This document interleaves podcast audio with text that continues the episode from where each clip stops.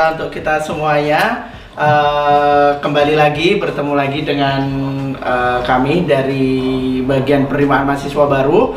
Eh, program ini merupakan program untuk mengisi eh, pandemi COVID-19 yang sedang eh, mewabah. Harapannya eh, secepatnya bisa kembali stabil, semua kegiatan berjalan dengan normal. Amin. Amin. Nah, untuk episode wis episode nih. Untuk sesi pertama ini atau pertemuan pertama ini kemarin kita sudah bahas penerimaan mahasiswa baru jalur eh, khusus COVID-19. Sekarang kita ada penerimaan mahasiswa baru punya program namanya Prodi Insight. Nah, Prodi Insight itu merupakan eh, kita ingin bahas satu persatu program studi yang ada di Politeknik Tech Riau. Untuk yang pertama itu kita eh, prodi yang paling dituakan di Politeknik Tech Riau. Ada program studi D3 Teknik Komputer sudah bareng dengan kita kaprodi yang luar biasa diimpor dari Bantul. Ada Pak Ardi di sini, lintas pulau. Pokoknya kita santai aja. Eh, mau minum? Slow. Mau minum? Mau pesen apa dulu? eh, pesen jus. Oh, pesen jus. Iya, Oke, sama- nanti- sama wedang uwo, Oh, wedang wo sama sate kelata. Ya, Yes, sate Oke, kelata. nanti boleh dipesankan. Luar biasa nih ya, demi acara ini nih dibela-belain masuk kampus kan. Masuk Oh, kampus. masuk kampus Di tengah work from home yang ya. sedang eh, hampir semua kampus, hampir semua kantor kita masih semangat semangat ya demi merah putih ya. Siap.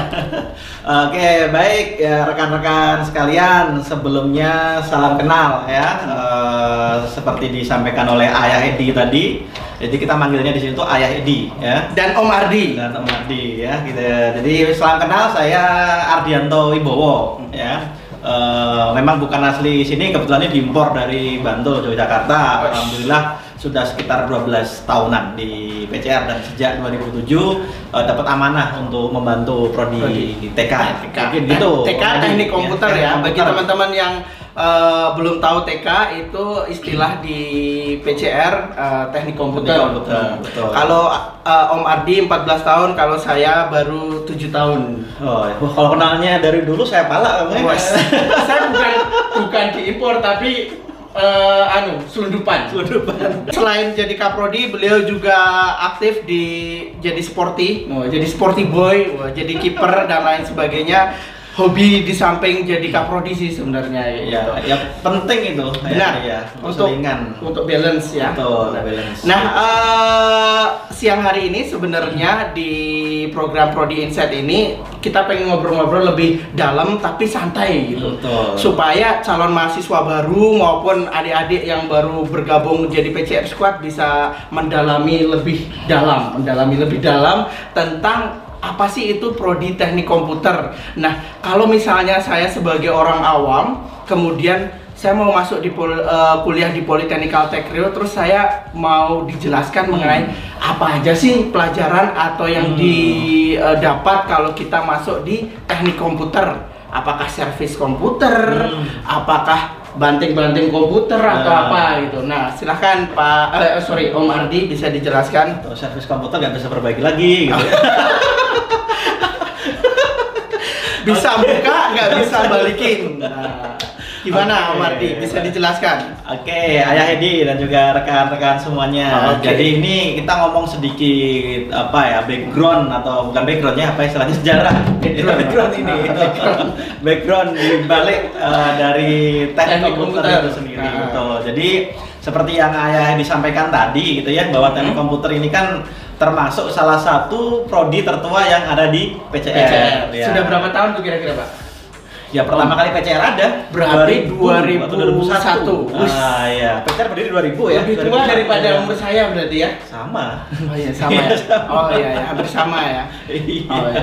Oke, silakan Oke, dilanjut. nah, jadi eh, dulu bareng dengan kalau nggak salah prodi teknik elektronika dan prodi Mhm. teknik telekomunikasi. Telekomunikasi. Oke. Ya, Berarti telekomunikasi. episode kedua nanti kita akan undang salah satu prodi tertua juga bisa teknik telekomunikasi atau bisa teknik elektronika. Iya, betul sekali. Ya, memang harus menghormati yang tua kalau nggak kualat nanti ya. Suhu. Sungkem sama saya nanti. Ya, jadi apa itu prodi teknik nah, komputer? jadi, eh, kita berdiri di tahun 2001 tadi. Oh, nggak Nah, sampai itu Pak berdiri terus ini kan.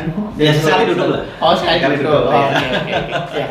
Nah, terus sih berjalannya waktu, Nah. kalau mungkin dulu di tahun-tahun itu baru satu gitu ya. Jadi ketika ada mahasiswa yang masuk ya nggak bingung, pokoknya komputer kuliahnya di mana kalau di PCR ya di Prodi Teknik Komputer. Nah, D3. Oke, siap. Nah, kemudian seiring berjalannya waktu, akhirnya di 2006 itu muncul prodi baru D4, Mhm. Informatika, D4 dan Teknik Sistem Informasi. Nah, di situlah baru mulai kita perlu menekankan apa perbedaannya dari yang teknik komputer, sistem informasi dan juga teknik informatika. informatika.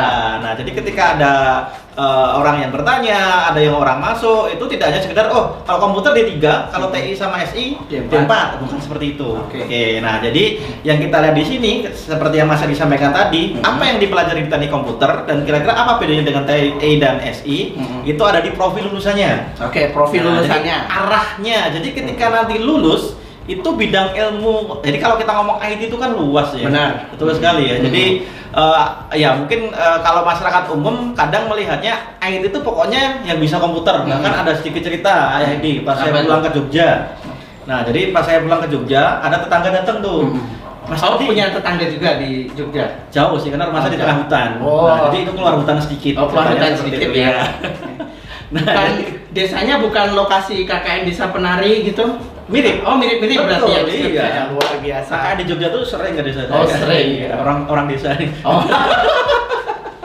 Nah, jadi pas datang ke rumah tetangga itu, Mas, eh, ini monitor apa? Jadi tetangga saya, tetangga saya itu punya monitor komputer gitu ya. Rusak. Monitor komputernya rusak, Mas. Tolong diperbaiki. Ah. Kaget saya kan, waduh. Nah kalau seperti ini kan urusannya solder mensolder. Ah. Ini bukan urusan komputer. Tapi tahunya orang kan komputer komputer. Benar, Dia pokoknya bisa komputer. Komputer, komputer tuh dewa biasa semuanya. Ah. Ada mungkin banyak masyarakat kita yang Dari mulai mensolder, wah, nyambung-nyambung kabel, pokoknya teknik bentuknya komputer. Benar, pokoknya itu sebutannya komputer. Betul. Nah, jadi tidak se sesimpel itu Hmm. gitu. Nah, jadi kalau kita ngomong di dunia IT itu banyak sekali cabang-cabangnya. Ada hurufnya cuma dua, IT, betul. tapi Tapi luar luas. biasa, ya, betul. Nah, jadi di situ mungkin ada dunia tentang multimedia. Ya. Kita omong ada animasi, video Ah. processing, ada juga tentang programming, tentang jaringan, tentang data engineering, tentang IoT macam-macam. Berarti yang membedakan di profil lulusannya tadi Betul ya, lebih, sekali. lebih spesifik di lebih profil. spesifik di situ. Eh, boleh dijelaskan mungkin profil lulusan untuk teknik komputer itu kira-kira seperti apa? Seperti apa? Oke, nah jadi kita punya tiga profil lulusan Mhm. gitu ya. Oke. Eh, tiga profil lulusan. Hmm. Yang pertama ini yang menjadi ciri khas eh, kita sekaligus Mhm. jadi pembeda utama dengan prodi TI dan prodi. SI itu Mhm. adalah profil di IoT engineer-nya. Oppo, IoT, Internet of Things. Nah, Internet of Things mungkin teman-teman yang Hmm. biar nggak disclaimer nih apa itu Internet of Things, IoT. Tadi SI, TI itu merupakan yang tadi eh, sempat di awal kita jelaskan. TI itu kepanja eh, singkatan dari Teknik Teknik Informatika. Informatika. SI singkatan dari Sistem Informasi itu sendiri. Nah, Betul. IoT itu apa tuh? Oke, Oppo. gitu. nah, Oppo gitu. Oppo. Nah, kalau definisi resminya IoT adalah, nah itu bisa Nah. banyak dicari di Ah, Google. oh, Nah, mungkin Bang- di Bang sini Google saya tinggal betul ya nyari. Nah, yang ingin saya sampaikan bahasa awamnya lebih lebih sederhana lah. Betul ya, sederhana. Nah, Sederhana apa? saya kasih aja misalkan contoh implementasinya. Mhm. Nah, misalkan gini, eh pernah nyuci, Mas Yudi? Pernah Pernah, luar pernah biasa. nyuci muka, nyuci tangan apalagi sekarang Oh, wajib itu. Wajib, 24 jam Iya. saya nyuci terus. Nah, selepas dari kita keluar rumah kan baju harus dicuci. Benar. Demi kesehatan Hmm. anak istri di rumah. Hmm. Nah, Hmm. gitu kan. Nah, saya Benar. nggak tahu kalau Mas Yudi ya. Kalau saya ya Oh gitu. Dicucikan atau nyuci sendiri? dicucikan sih Oh, sebenarnya. Iya. harus malah bahas nyuci. Oke, balik. Sip. Nah, jadi kalau misalkan kita punya cucian di rumah, Hmm. kemudian kita jemur, gitu misalkan ya. Jemurnya di tempat tetangga? Enggak. rencananya di kamar sih. Oh, di kamar. Iya. Pakai lampu-lampu. Pakai lampu-lampu biar Eh, balik ke laptop, balik ke laptop. Serius? Ya, serius, serius. Siap. Nah, jadi ketika kita punya jemuran di Ini rumah, bisa tiga jam nih kayak gini ya, Iya. lampu nih. Tadi janjinya Malah malah malah lawak terus. Ayo, janjinya Jadi 15 misalkan menit. Kita punya jemuran di rumah Jemuran, gitu ya. oke. Nah, terus oh kita ada keperluan untuk Mm-mm. keluar rumah nih. Mm-mm. Nah, tapi kalau kita masukkan jemurannya nggak kering padahal nanti malam mau kita pakai misalkan kita Ah. bisa kita pakai ya udah ah, misal kita paksa aja kita jemur ya kita berdoa sama Allah aja mudah-mudahan nggak hujan Iya. Nah, kita kemudian pergi nah ternyata doa kita nggak dikabulkan Hujan. hujan Waduh. ya kalau kita tetangga kita baik di rumah diangkatkan kan Ah, ah. tapi kalau misalkan kebetulan nggak ada orang di rumah Ah, ah. tetangga kita juga lagi pergi gimana Gimana? nasib kita nah pernah alami seperti itu mas Adi Kalau ayah Edi Kalau saya sih kalau kayak gitu tinggal beli baju aja lagi. luar biasa orang kaya ya ya jadi baju cukup sekali pakai sekali pakai. Apalagi apalagi wabah sekarang kan Oh, habis ini oke. langsung ganti. sangat menginspirasi Ya lanjut lanjut lanjut lanjut. Ya, Gimana? Terus? Nah, jadi contoh salah Nah. satu dari implementasi IoT Mhm. itu contohnya itu misalkan kita bisa mengembangkan sebuah eh, sistem gitu ya, Mhm. memadukan antara elektrikal dengan Mhm. eh, dunia programming misalkan. Jadi ketika nanti terdeteksi hujan, Mhm. nah jemuran yang kita buat tadi itu bisa nutup secara otomatis. Profil kedua. Nah, profil kedua adalah kita di dunia jaringan komputer atau kita Mhm. nyebutnya di sini adalah network administrator. Oke, Nah, jaringan ya komputer. memang eh, selayaknya orang IT, jaringan itu adalah salah satu keilmuan yang dasar juga yang ya minimal walaupun kita nggak menguasai tahu. Mm-mm. Ya, cuman di teknik komputer ini itu pendalamannya dalam. Dalam. Jadi dalam implementasinya kita mengadopsi kurikulum yang pertama kurikulum Cisco, yang kedua kurikulumnya Mikrotik Oke. di beberapa mata. Sebelum dijelaskan lebih lanjut, jaringan komputer jaringan ini eh, mungkin kalau saya sebagai orang awam tuh jaringan seperti sambung menyambung atau jaringan apa? sambung mungkin bisa menyambung di- menjadi satu. Ah, ah. Nah, ya. Jaringan itu seperti apa atau jaringan Tapi, tapi seperti jaring jaring tahu ya? jaring tahu, jaring ikan. Ah, itu dia. Itu kerjaan saya kalau lagi pulang ke Jogja itu. Wong desa. Oh, waduh. Waduh.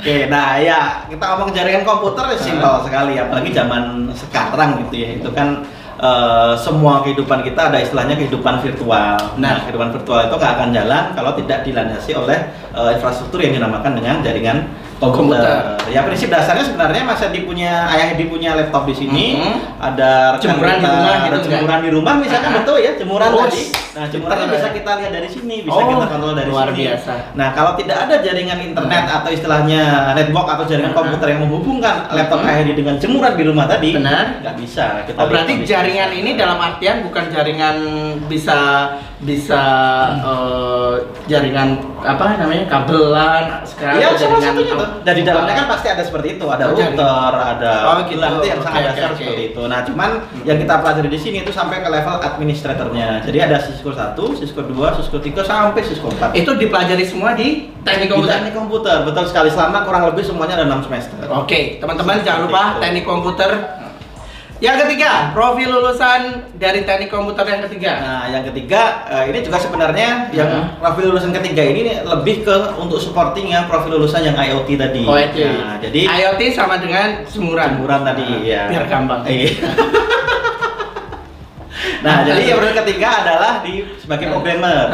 Nah, cuman memang programmer di sini juga eh, saya sampaikan mungkin juga sebuah fondasi dasar dalam orang yang berkecimpung di IT gitu ya seperti yang eh, jaringan tadi. Nah, jadi yang di profil lulusan ketiga ini ini lebih support untuk mendukung yang eh, profil lulusan pertama. Jadi Hmm. misalkan kita ingin mengembangkan jemuran tadi, Mhm. cuman kita nggak bisa coding. Mhm. Nah, kita ingin mengembangkan aplikasi yang mengontrol Mhm. jemuran itu, ya kita nggak bisa juga gitu. Mhm. Nah, makanya di situ juga ada profil lulusan ketiga yang kita namakan dengan programmer.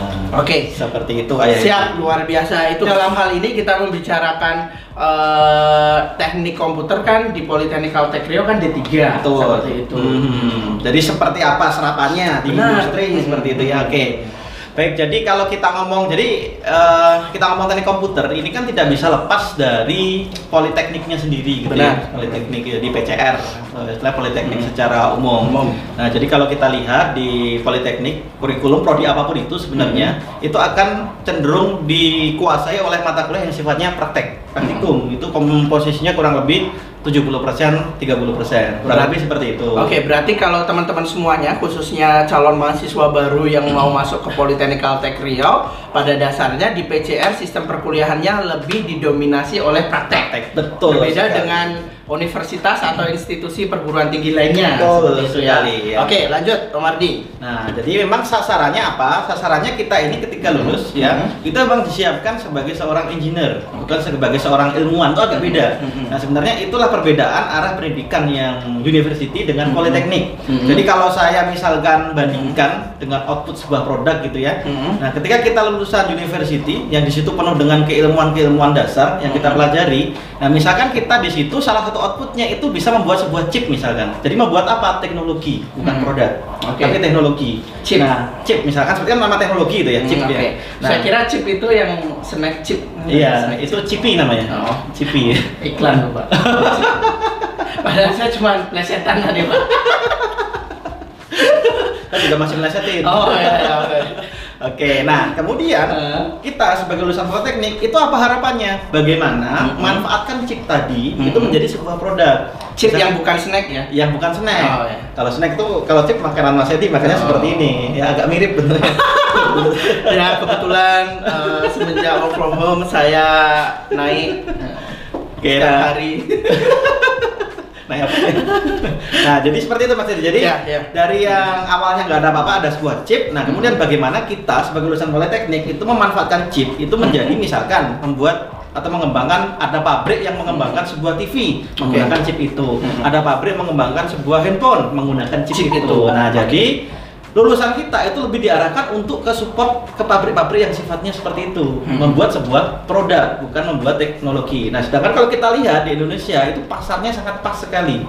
Karena harus kita akui sekarang Indonesia masih eh, sifatnya negara lebih ke negara konsumen dibandingkan dengan negara produsen Produksi. teknologi. Produsen. Jadi pabrik-pabrik yang ada di sini itu lebih sifatnya adalah untuk mengembangkan atau membuat produk. Mhm. Nah, itu serapan yang dibutuhkan luar biasa. Bagi Nah, profil D3 tersebut Betul, ya. Politeknik. teknik komputer. Betul, politeknik. Khususnya di bidang vokasional ya Iya, ya. vokasional. Mm-mm. Nah, posisi teknik komputer itu bisa mengambil peran di situ atau Mm-mm. celah di situ untuk bidang-bidang yang relevan. Oke. Misalkan pabrik tadi terkait dengan IoT, IoT. Terkait dengan eh, mungkin yang membutuhkan manajemen jaringannya Oke, dan kalau sejauh ini dari tahun 2000 berdiri terus, Hmm. oh, nggak capek-capek itu kan? 2000 Iya, yang sesekali duduk tadi. Yang sekali duduk.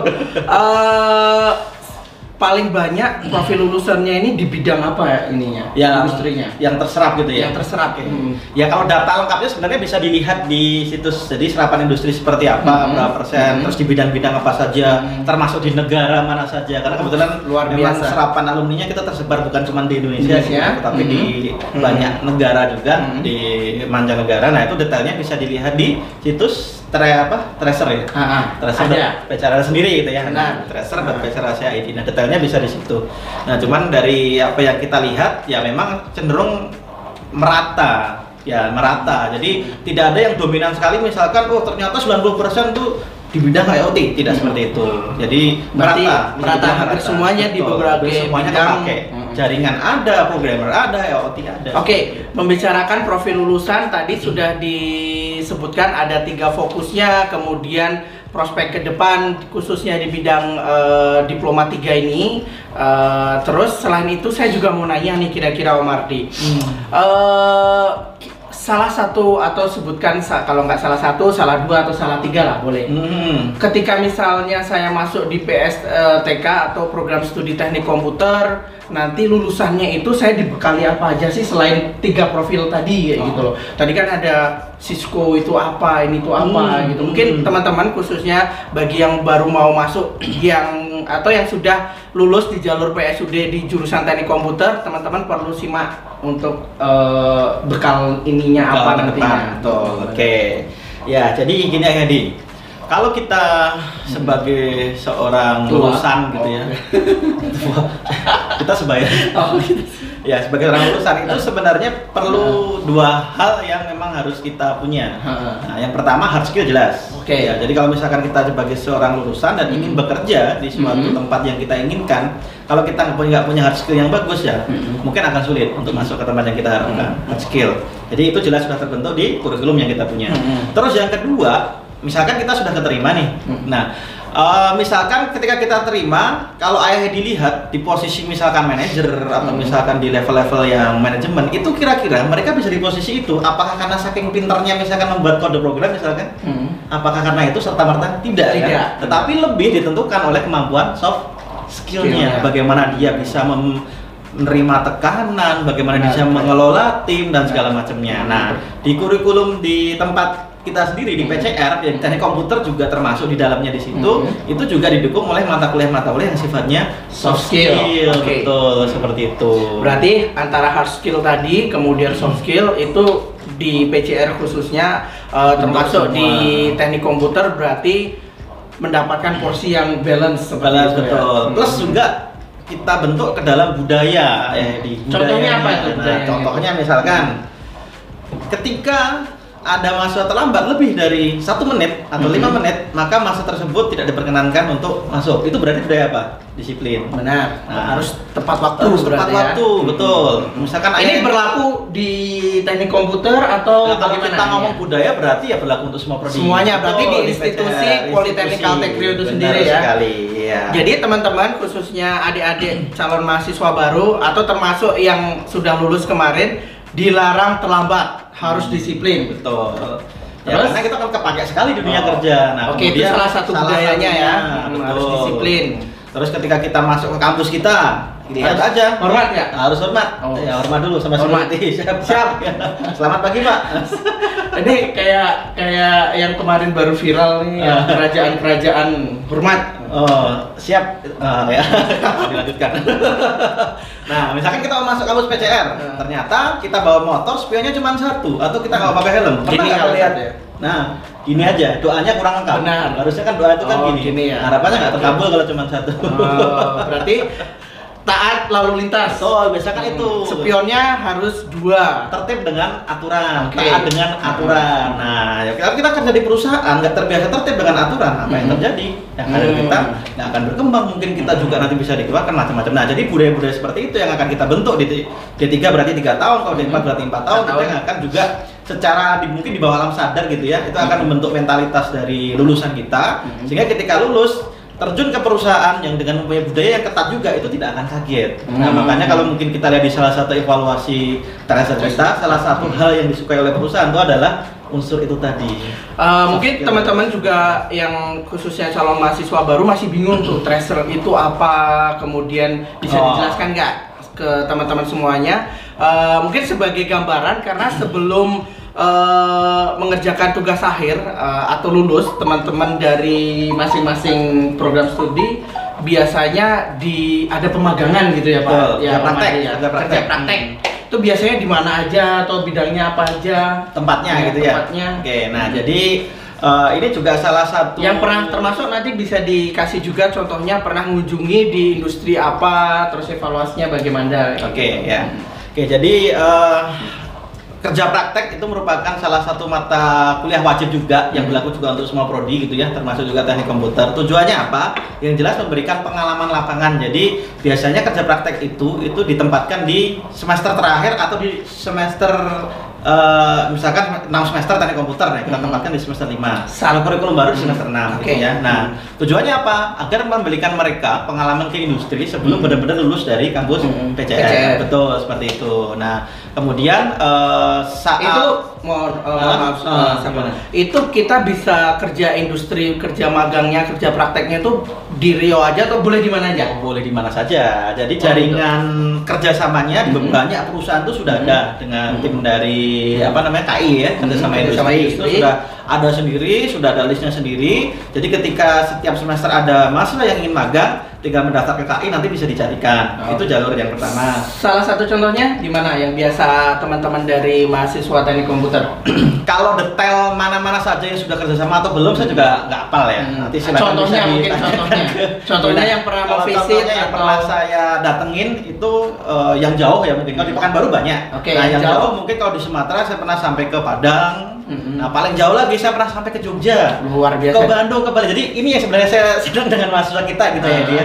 Jadi KP ini memang tidak hanya sekedar untuk mencari ilmu, tapi Ah. sekaligus liburan liburan ya liburan tuh kan sebenarnya Iya, iya. suplemen. Wajib, penting Iya, tuh, wajib, untuk penting merecharge itu. energi. Betul, menambah wawasan Benar, kita, benar, benar. mengetahui budaya tempat lain kan. Nah. Nah, jadi sekali melangkah 200 tiga pulau dilampaui. Iya, dilampaui seperti itu. Berarti pernah memvisit ke daerah-daerah yang tadi ada Padang, ada ini hampir semuanya berarti eh, bidangnya yang teman-teman dari mahasiswa praktek itu di industri. Betul ya, Oh. betul. Jadi relevan ya. Kadang-kadang mereka juga eh, ini juga misalkan apa pekerjaannya itu kurang relevan. Jadi kan kita selalu juga di situ melakukan feedback gitu loh, Hmm. komunikasi baik melalui dosen pembimbing ataupun nanti juga setiap kita visit kita ngobrol dengan supervisornya. Nah, Hmm. jadi bidang kerjanya itu apa selama di sana? Alhamdulillah selama ini juga cenderung relevan dengan Oke. apa yang mereka dapatkan di kampus PCN. Oh ini nih ini, ini sudah di ini. Ah, Oke. Oke, nah jadi eh, ini adalah salah satu tools kita bersama Mhm. teman-teman di jurusan. Ini nggak cuma di teknik komputer. Jadi kita di sini punya kegiatan namanya eh, tergabung ke dalam Bebras. Nah, jadi ya kita termasuk PCR alhamdulillah dari Mhm. tahun 2017 ya itu termasuk dipercaya menjadi salah satu biru Bebras yang ada Mhm. di Indonesia. Mhm. Nah, Bebras itu sendiri apa? Itu organisasi internasional sebenarnya yang ada di eh, pusatnya di Latvia. Jadi di Indonesia Ya. kemudian di Indonesia untuk yang di Riau alhamdulillah eh, PCR yang dipercaya Percaya. sampai sekarang paling nggak untuk Luar menjadi biasa. biro Politeknik gitu. Riau. Nah, jadi apa kegiatannya di situ? Nah, kita bersama di teman-teman jurusan itu mempunyai tugas memperkenalkan computational thinking ke anak-anak kita yang masih di level Computational thinking. Computational. Kompu computational thinking atau bahasa Indonesia thinking. computational thinking. Nah, Oke. itu bahasa Indonesia. Tadi ada IoT, sekarang ada computational thinking. Nah, berpikir secara komputasi. Luar biasa. Nah, apa pentingnya itu? Ah. Dan Eh, apa hubungannya dengan apa ini? hubungannya dengan ini? Ah. Jadi begini, eh, pengalaman kita mengajar gitu ya. Mhm. Eh, pengalaman kita mengajar ini banyak sebenarnya parameternya. Cuman dari pengalaman kita mengajar Mhm. di dunia IT Mhm. itu yang paling sulit bagi anak-anaknya dalam maksudnya paling sulit itu lebih lama buat mereka menerima Mhm. itu bukan di sintak-sintak teknisnya misalkan kita Mhm. bikin suatu program nah ada misalkan kita ingin melakukan perulangan pakai sintak for bukan Mhm. itunya Mhm. tetapi, Tetapi- di logika berpikirnya itu yang Mhm. lebih lama Logika itu kan punya Agnes tuh, Pak. oh iya Cinta ini oh, enggak, enggak tahu saya kadang-kadang tak ada. Wah, Enggak tahu saya itu Bapak kurang milenial Iya, sih. saya- Mohon maaf ya, Pak ya. Iya. Jadi eh, kenapa kok bisa seperti itu? Mhm. Karena di pendidikan level dasar kita di kurikulum yang lama Iya. ya, kurikulum yang lama sebelum ini, alhamdulillah makanya Pak Nadim ini luar biasa terobosannya. di Oke, kurikulum Pak. yang lama ini Hah? Tidak nyambung. Jadi maksudnya Iya. ketika kuliah itu mereka belum dibekali bagaimana cara berpikir logika yang terstruktur dari Hmm. level uh, SD sampai SMA-nya. Jadi ketika Hmm. kuliah mungkin ada semacam rasa kaget di situ. Oh, ternyata Kok kayak kita gini gitu iya, ya belajarnya. gitu. adaptasi dulu. Se- Sementara di sekolah nggak diajarkan. Enggak, gitu enggak ya. diajarkan khusus untuk Oke. logikanya seperti Terus itu. ini Jadi bagaimana ininya, Pak? Jadi tujuan dari kita mempelajari meng- meng- mengajari computational thinking Mhm. itu adalah bagaimana kita membiasakan dari siswa Sejak dini berarti ya? sejak dini Oh. ya baik dari sebenarnya sejak PAUD bisa. Nah, itu berpikir atau terbiasa menggunakan logika dalam mengambil keputusan-keputusan sehari-hari Mhm. dalam mereka mempunyai masalah kemudian bagaimana memecahkannya itu sejak dini. Hmm. Nah, cuman dengan cara yang fun, yang gembira. Salah satunya seperti ini. Nah, gitu ya. seperti ini. Jadi bagaimana kita tuh bisa belajar logika, termasuk bagaimana nanti kita bisa mempelajari dunia IT, Mhm. tetapi tanpa kita tuh harus langsung dipusingkan dengan bahasa pemrograman terlebih Iya dahulu. benar benar benar Pak. Seperti itu. Nah, caranya Oke, gimana? Caranya gimana? Boleh Nah, boleh caranya dengan kita main-main gitu ya. main-main. Jadi ada Hmm. banyak tools sebenarnya. Ini Iya. beberapa saja yang kita punya gitu ya. Jadi ini bukan produknya PCR, tapi Oke. ini memang kita Ini sebagai alat media pembelajaran media aja. pelajaran betul. Oke. Ini Ojobot, kemudian ini Meki Meki. Nanti silakan bisa dicari sendiri gitu ya. Nah, Siap. eh, untuk yang mungkin kita coba di sini adalah Meki. Meki Nah, Meki. Meki ini intinya kita bisa berkreasi gitu Hmm. ya. Hmm. Eh, ini sifatnya sebenarnya seperti media penghantaran listrik. Mm-mm. Ya, ini perantaranya, kemudian Hmm. ini untuk inputnya, outputnya nanti kita bisa membuat sendiri Oke. di, Di program, program. ya, secara Oh. program menggunakan blocky namanya. Contohnya seperti apa Pak? Nah, Ini contohnya misalkan- sengaja dicoret-coret atau gimana itu? Nah, ini ceritanya Mm-mm. sekarang kita ingin membuat sebuah keyboard Mm-mm. atau piano ya, Mm-mm. piano tetapi piano itu tombolnya Kan menggunakan ini pakai kertas pakai Pak. kertas ya. Nah, gimana Kertas caranya? kita coret-coret pakai apa nih? Potlot. Oh, Nah, pakai pensil. Bahasa Bantulnya potlot ya, Pak ya. Ngomong besok. Oh, Iya. Potlot itu bukannya markasnya, selain Pak Gang Potlot. Oh iya. Iya. Iya, aliran aliran langsung juga situ. Oh, iya. Saya saya ini Selaun Seven Oh. alirannya. Nah, jadi eh, nanti ini kalau misalkan kita sudah rangkai gitu ya Mhm. dengan output yang diprogram, Mhm. programnya pun bisa kita pakai yang sudah ada atau kita juga bisa mendevelop sendiri, membuat Oke. sendiri. Contohnya Nah, gimana, Pak? Contohnya misalkan ini kita Atau Tekan. saya ini eh, ditekan bunyi, Pak. eh sebentar, ini harus Gimana, Om? Harus gimana tuh, Om? Jadi ini kalau ini konsepnya harus ada yang dipegang satu sebagai groundnya. Heeh. Nah, sebentar, kok nggak bunyi ya? Sebentar, kita coba dulu. Sebelum ada Mas Edi tadi bunyi. Nah, ini dia. oh, gitu.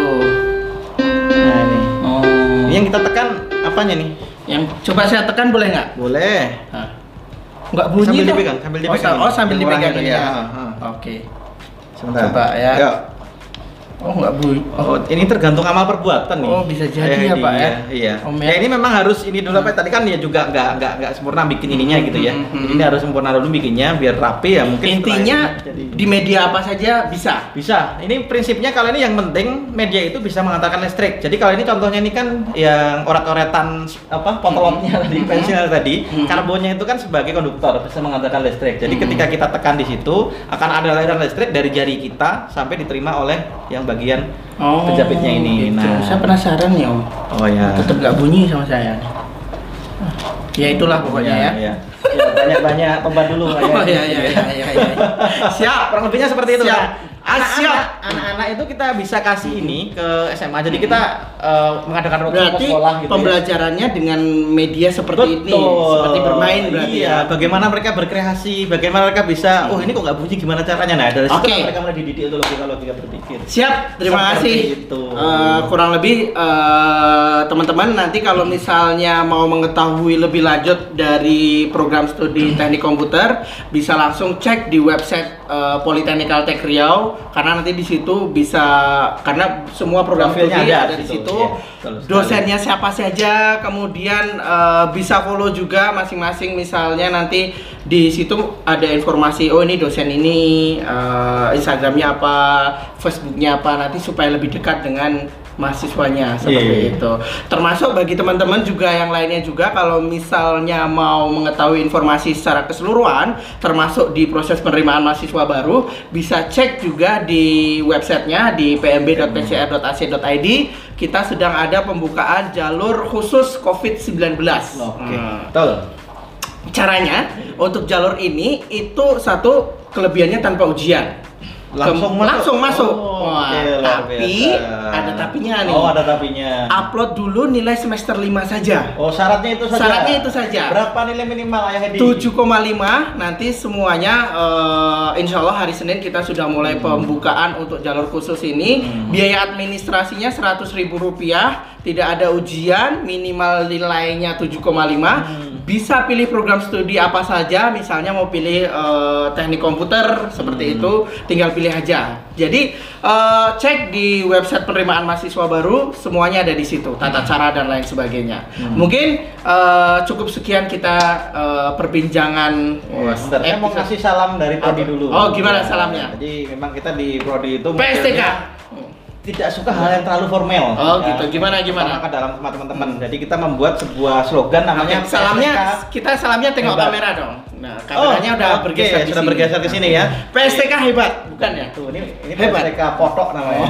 foto Nah, gini ya Yadi. Oh. Ini huruf K. Oke Nah, PSTK hebat. kayaknya dari mana Nah, coba kayak gini Oke, ya anggap aja huruf K. saya Oke. jempol semua ini ya Jadi dalam setiap event-event baik bersama mahasiswa ataupun sama dosen kita selalu salam PSTK. Oke. hebat. Nah, karena sekarang PSTK adalah. Hmm. Eventnya PSTK harus ikut ya. Oke, siap. Oke. gimana gimana gimana Satu, dua, tiga. Tiga. Salam PSTK. PSTK, hebat. Ditunggu kedatangannya di sini Siap. buat adik-adik calon mahasiswa. Terima kasih, Oke, mungkin ini. itu saja buat Om Ardi atas waktunya sudah menyempatkan di siang hari ini. Semoga bermanfaat buat kita semua, khususnya informasinya ini bisa diterima di calon mahasiswa baru, orang tua, kemudian tetangga-tetangga dan lain sebagainya. Terima kasih, selamat siang, assalamualaikum warahmatullahi wabarakatuh. Waalaikumsalam.